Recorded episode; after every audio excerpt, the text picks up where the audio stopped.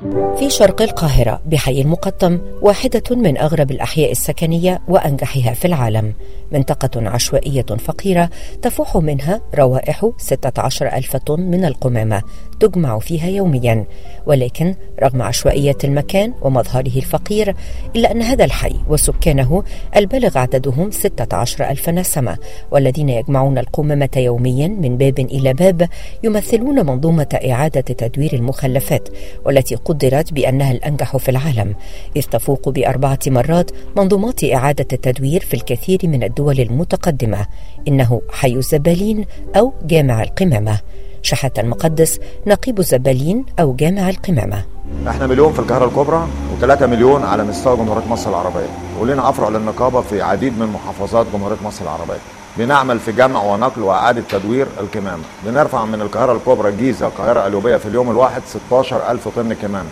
فيهم 6000 طن مواد عضوية لباكات طعام وفيهم 8000 طن مواد صلبه بعاد تدويرها زي الإزاز والكرتون والبلاستيك والالومنيا والكنز وإلى آخره. وفي 2000 طن غير قابلين لإعادة التدوير ودول بيدفنوا في المدافن المخصصة لدفن المواد الخطرة والصلبه في هذا المكان الذي تشعر وكأنه مستودع قمامة كبير لا تنقطع الابتسامة ولا التعاون. فالنساء تشارك في تخزين القمامة بالأسطح وحتى في عملية الفرز والتخزين.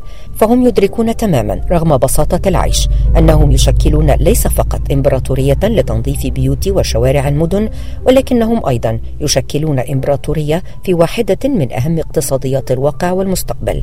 ومنهم من تحول إلى مجموعة من أغنياء ورجال أعمال مصر. طبعا هنا الاكياس بتنقسم لأنواع كتير. في نوع زفر اللي بيجي في الزبالة وفي نوع تاني بيبقى أبيض ال high luxe اللي هو النظيف بيتفرز لأنواع وألوان وبعدين بيدخل مكان تاني علشان يتغسل ويتنضف بمواد معينة عشان يطلع منه الأوساخ والزيوت وكل ده. عندنا في أحياء الزبالين مرحلة إعداد ما قبل التصنيع. ما عندناش تصنيع. يعني البلاستيك على سبيل المثال يتفرز لوحده ويتغسل بالطاس وبودرة سلخ وخطوط جاية أوتوماتيك من الصين واليابان يتغسل كويس ويتكسر ويروح على المصانع الصناعة. عشان المصانع عندها إمكانيات هناك بيدخل تحت درجة 3000 درجة حرارة درجة مئوية عشان ما ترجعش تقول أصل المنتج ده طالع من الزبالة وفيه ميكروبات. يعني شغل علمي. لكن مرحلة التصنيع نفسها بتكون في المناطق العمرانية الجديدة زي مدينة بدر مدينة السادات مدينة العاشر من رمضان. ببدأ شغل سبعة. بنيجي هنا بنفتح بنفتح الشكاير ونطلع الأخضر وحده والعسل وحده والأبيض وحده الفرز بيتم عندنا إحنا هنا في المكبس. يعني إحنا قبل بنكبس الجزايز بنفرسها أي زبالة فيها بتاع بنشيلها بتبقى الجزازة بس. كل طن زبالة بيوفر 11 فرصة عمل. يعني المليون ده من ضمنهم السواق اللي بيسوق عربية الزبالة من ضمنهم الزبال اللي بيطلع يجيب الزبالة من فوق من ضمنهم اللي بيفرز من ضمنهم اللي عبي المواد الصلبة اعاده تدوير ووديها للمصانع. كل ده يعني طاقة خلايا نحل بتعمل في صمت من أجل إعادة تدوير ال 16000 طن. لا يجدون غضاضة في تسميتهم الدارجة بالزبالين ويشعرون بالرضا مع تغير الثقافة وتسميتهم برجال النظافة أو جامع القمامة.